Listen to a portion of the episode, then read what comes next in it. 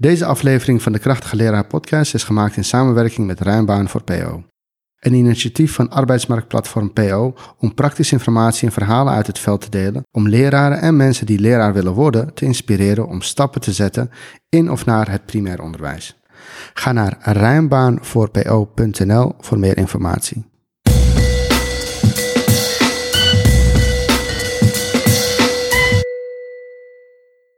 Welkom bij de Krachtige Leraar Podcast, de podcast die leraren helpt hun superkrachten te ontwikkelen. Ik ben meester Moment En ik ben juf Zena. en vandaag hebben wij Lisa van der Zand geïnterviewd. Yes, eh, Lisa is een zij-instromer op een basisschool en eh, we hebben haar geïnterviewd over haar ervaringen met deze studie en met het basisonderwijs. Veel plezier. Veel plezier!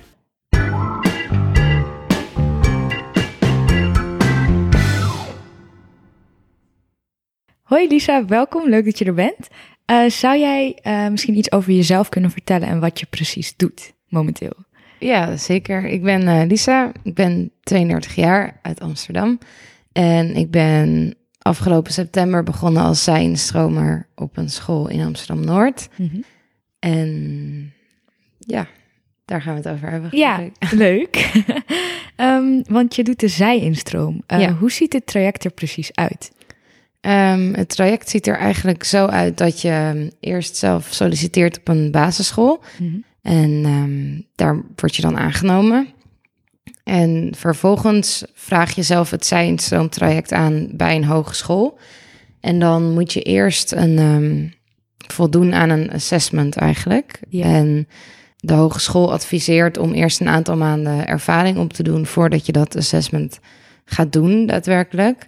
En je moet ook een portfolio schrijven, dus daar heb je ook best wel even de tijd voor nodig. Mhm. Dus ik ben dus gestart in september met zelfstandig lesgeven, twee dagen in de week.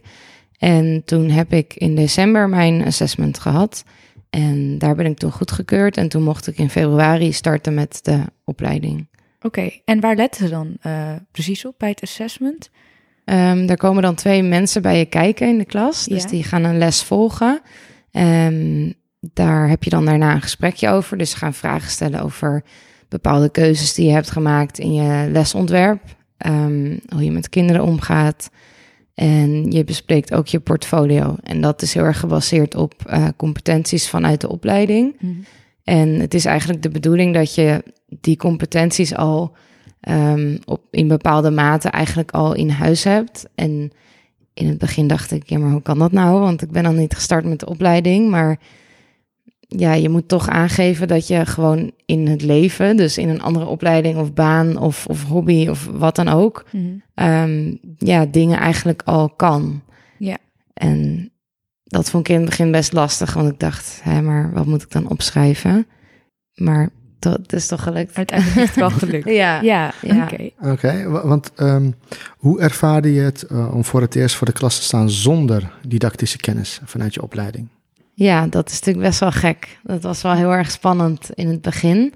Ehm, ik, ik moest me heel erg voorbereiden. Dus ik was thuis daar heel veel mee bezig met de, de lesjes die ik moest geven. En dan ga je echt de simpelste dingen opzoeken. Van, oh ja, wat is een persoonsvorm en hoe moet ik dat doen en uitleggen. En dus heel veel oude stof weer ophalen. En ja, dan, dan is het ook wel heel... Ik vond het ook heel leuk.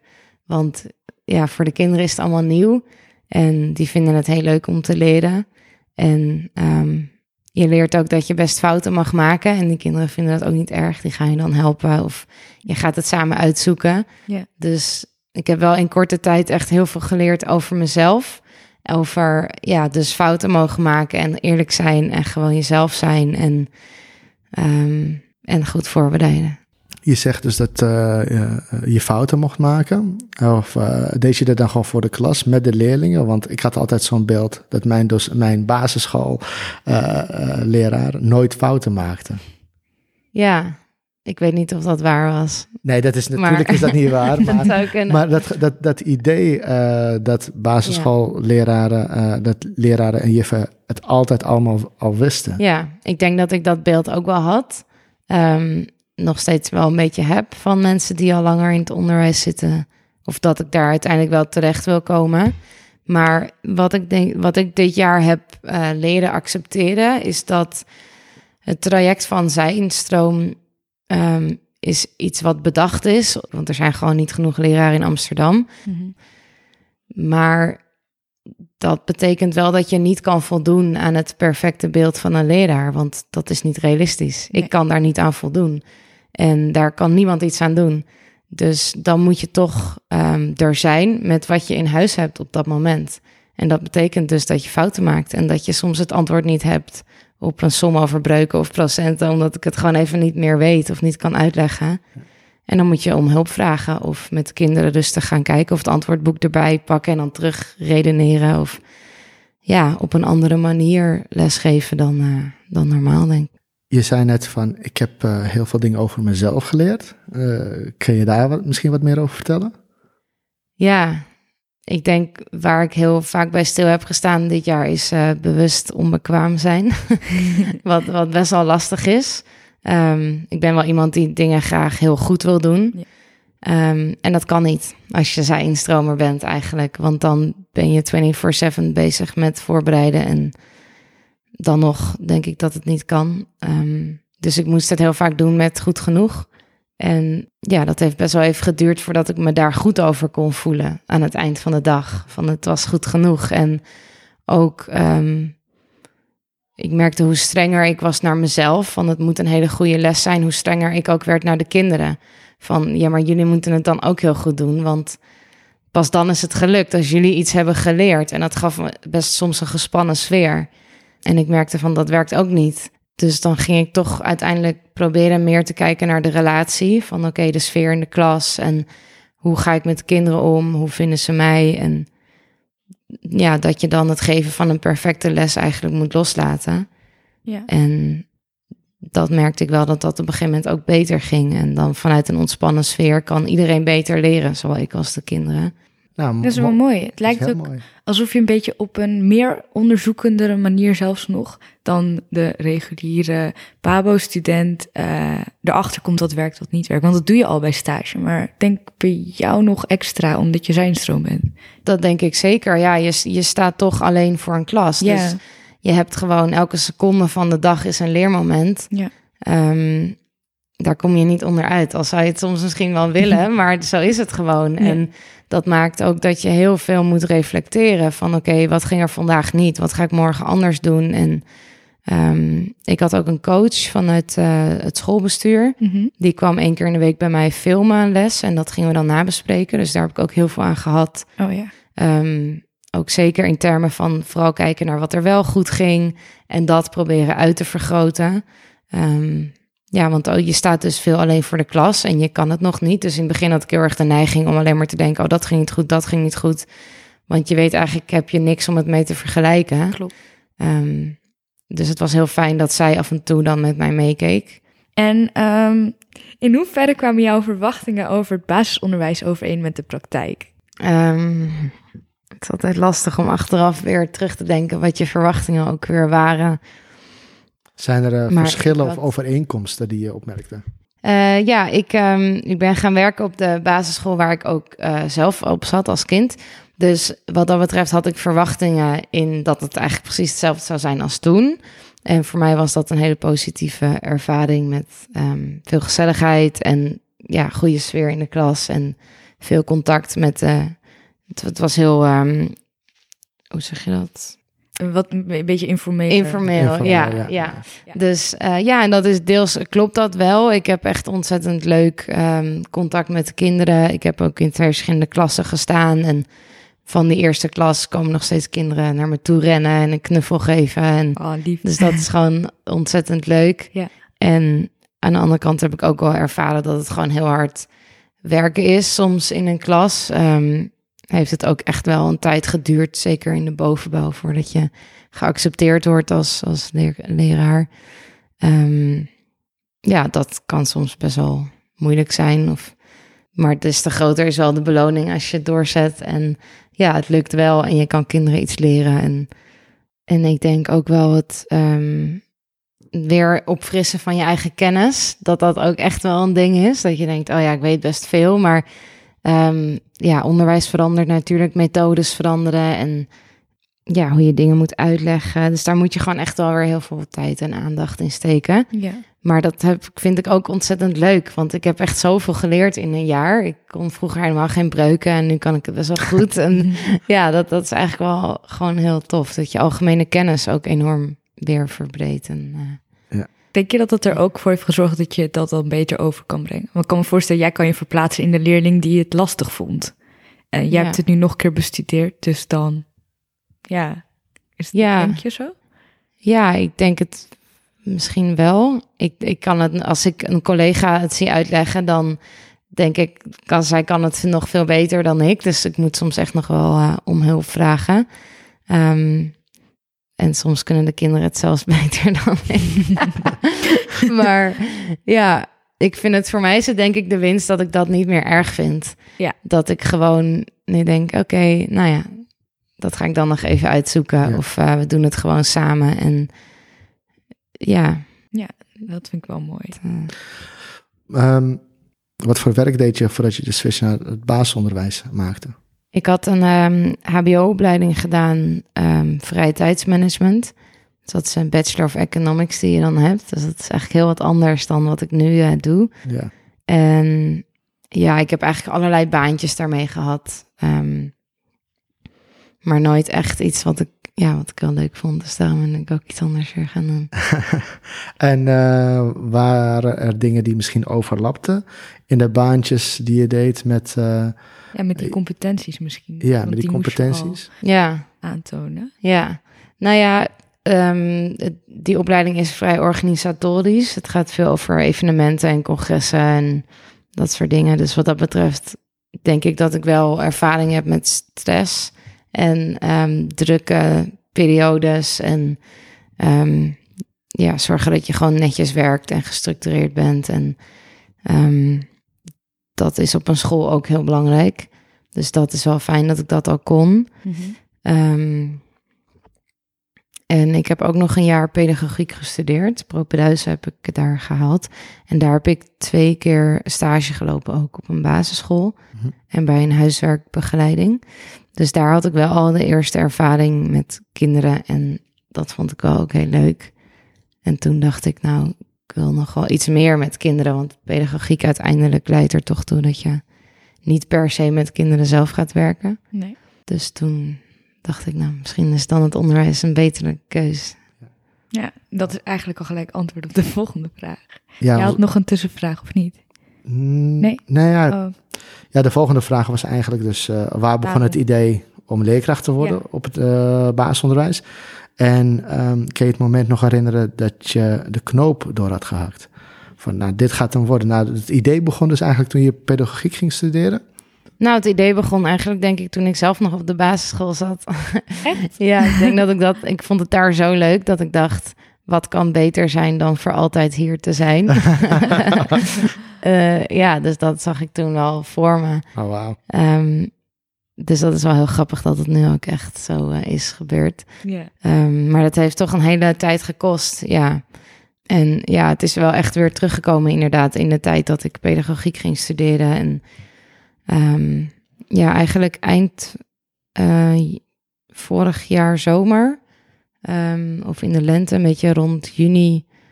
Ehm, ik was op reis geweest en toen kwam ik terug. Het was ik eigenlijk opnieuw weer een beetje aan het zoeken van, ja, wat ga ik nou doen?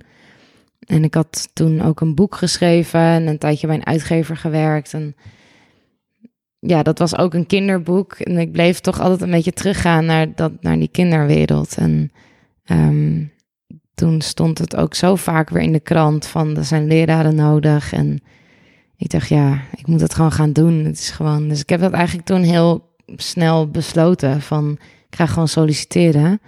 En toen had ik echt ook in een week tijd echt zoveel uitnodigingen van scholen. En daar ben ik niet eens allemaal naartoe gegaan, want dat kon gewoon niet. Mhm. Ehm, ik heb volgens mij drie scholen bezocht, waarvan dus één het Wespennest. En ja, Eh, dat moment, dus dat je die knoop had doorgehakt. eh, wat speelde er toen?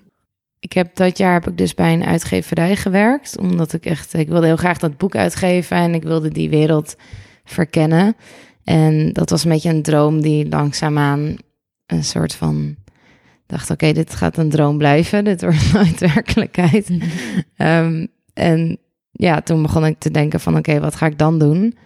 Ehm, en toen ja, een beetje richting de lente of zo begon dus dat idee te dagen van ja, misschien dan het onderwijs. Ehm, en ja, ik ging toen in juli ging ik een maand naar Portugal. En toen eigenlijk echt in de twee weken daarvoor heb ik gewoon brieven gestuurd en die knoop doorgehakt. Want ik moest toen ook heel snel beslissen, omdat ik al snel wegging. En ja. scholen gingen natuurlijk ook dicht. Ja. En ik weet wel dat ik toen in Portugal ging lopen een maand, dat ik daar echt lief van oh my god, over vier weken sta ik voor een klas. dat voelde wel heel onwerkelijk. En ik dacht, dit is echt heel, heel raar. Maar ook wel heel leuk, ja. ja. En wat betekent het voor jou uh, om leerkracht te zijn?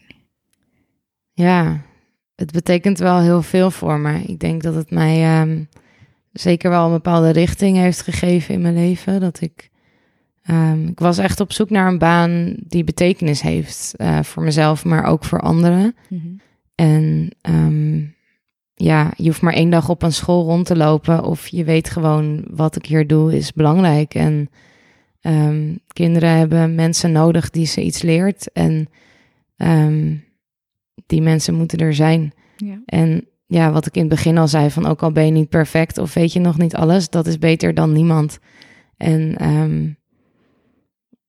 ja, je leert ze ook zoveel meer dan alleen maar de vakken. Het is ook het contact en gewoon wat je weet over de wereld. En ik denk dat een zijnstromer meer weet nog misschien dan iemand anders, want je hebt heel veel meegemaakt al ook op ander gebied. Ja.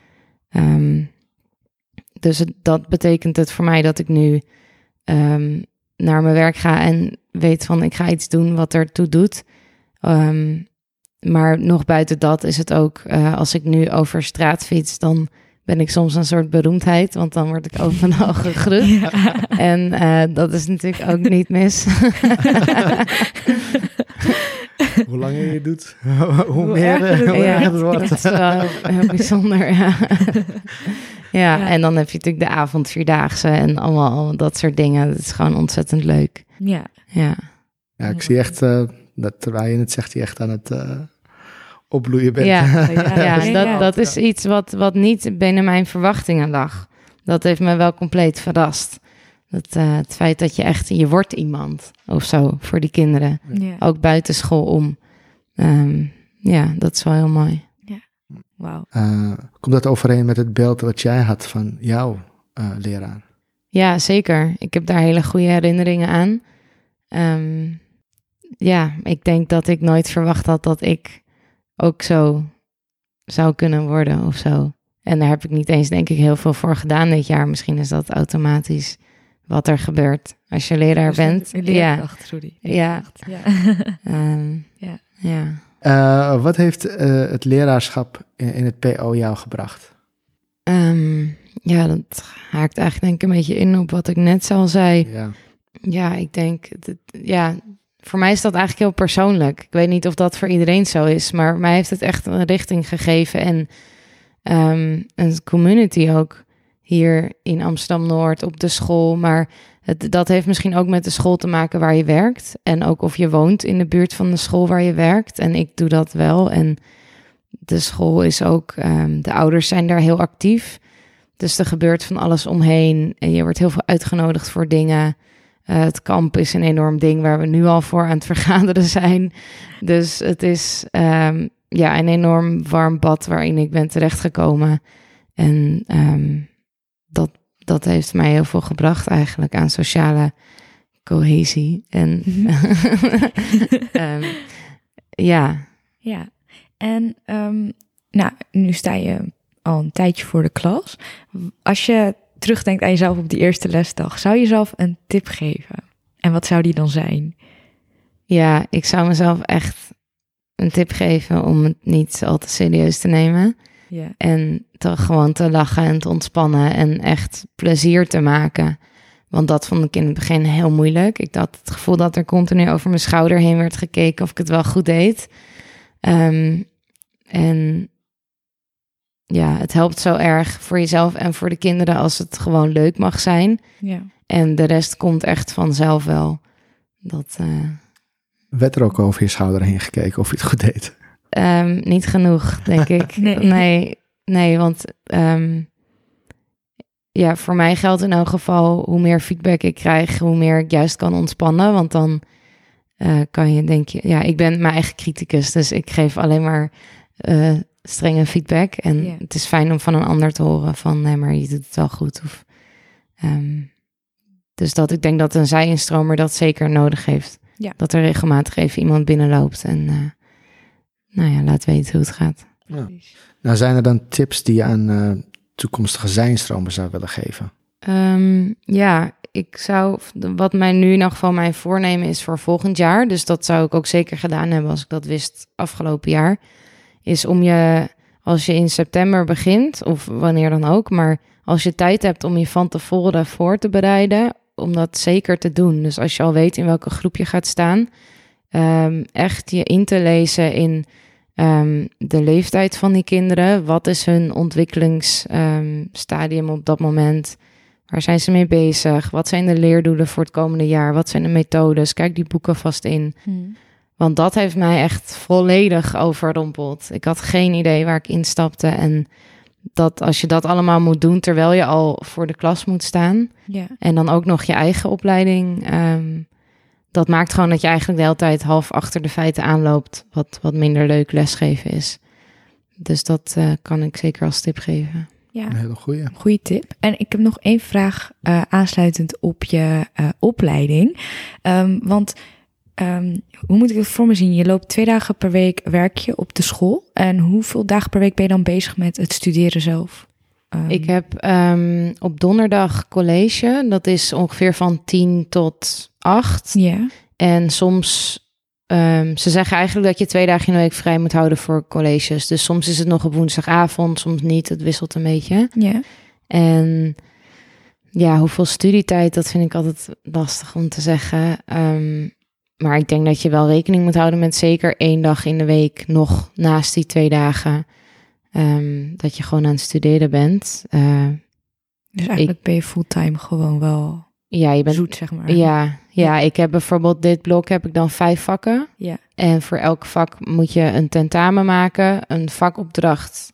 Wat inhoudt dat je een eigen les moet ontwerpen. Die moet je uitvoeren op je werk. Mhm. En daar moet je dan op reflecteren. Ehm, en dat moet je dan allemaal schrijven aan de hand van theorie uit je studieboeken. Ja. En je moet voor bijna ieder vak een eigen vaardigheid doen. Ehm, wat betekent dat je iets moet maken wat te maken heeft met dat vak. Dus dat kan heel erg verschillen. En die drie dingen, mm, ja, dat is wat je allemaal moet inleveren. Dus het is best veel, eh, veel Ja. werk. Oké, ja, wel pittig, maar ja, wel uitdagend lijkt me ook. Ja, zeker. Ja. en het is ook heel leuk als de opleiding eenmaal begint. Ik merk heel erg het verschil, want ik gaf natuurlijk eerst al les. Mhm. Ehm, dat dat meteen echt een input is voor je lessen ook. Dus dat werkt wel heel inspirerend. Ja. En ehm, ja, dat is heel leuk. Ja, Dan gaan we weer even terug naar je werk. Eh, een laatste vraag. Eh, wat is het hoogtepunt van je werkdag? Ehm, dat is een moeilijke vraag. Eh, Want wat ik vooral merk in het onderwijs is dat echt geen één dag hetzelfde is. Ehm, en dat is wel heel erg leuk. Ik denk ehm, dat dat niet per se een vast moment op de dag is, maar vooral een moment waarop ik, ehm, waarop ik echt aanwezig ben en echt contact maak met een kind. Dus niet in mijn hoofd zit van, oh, ik moet door met de les of ik wil dit of dat bereiken. Mhm. Maar gewoon echt eventjes kijkt van, oké, want kinderen vragen de hele dag door dingen aan je. En als je daar ook echt op in kan gaan en ehm, iemand kan helpen, wat er dan ook is op dat moment. Ehm, of bijvoorbeeld dat de groep iets vraagt terwijl je iets anders had voorbereid en daar, nou ja, dan ook wel in mee kan gaan en er een draai aan geven. Dat vind ik eigenlijk de mooiste momenten. Cool, Ja. heel cool. Ehm, nou, heel erg bedankt eh, eh, voor je komst en uh, ja, dankjewel. Graag gedaan. Jullie Ja. ook bedankt. Geen dank. Het was, eh, het was heel inspirerend om iets te horen over de zijinstroom. Want voor mij is dit allemaal heel nieuw. Voor jou ook. Wel, mij denk ook, ik. Ja. inderdaad. Ja. Dus eh, we hopen dat eh, jullie thuis er ook nog wat eh, uit kunnen halen. Ja, en ik zou zeker iedereen aanraden om zijnstromer te worden, want het is echt superleuk. En ja, een kans die je denk ik nooit meer krijgt om zoiets te doen. Top. Dankjewel, mooie boodschap. Hey, doeg. Doeg. Doei!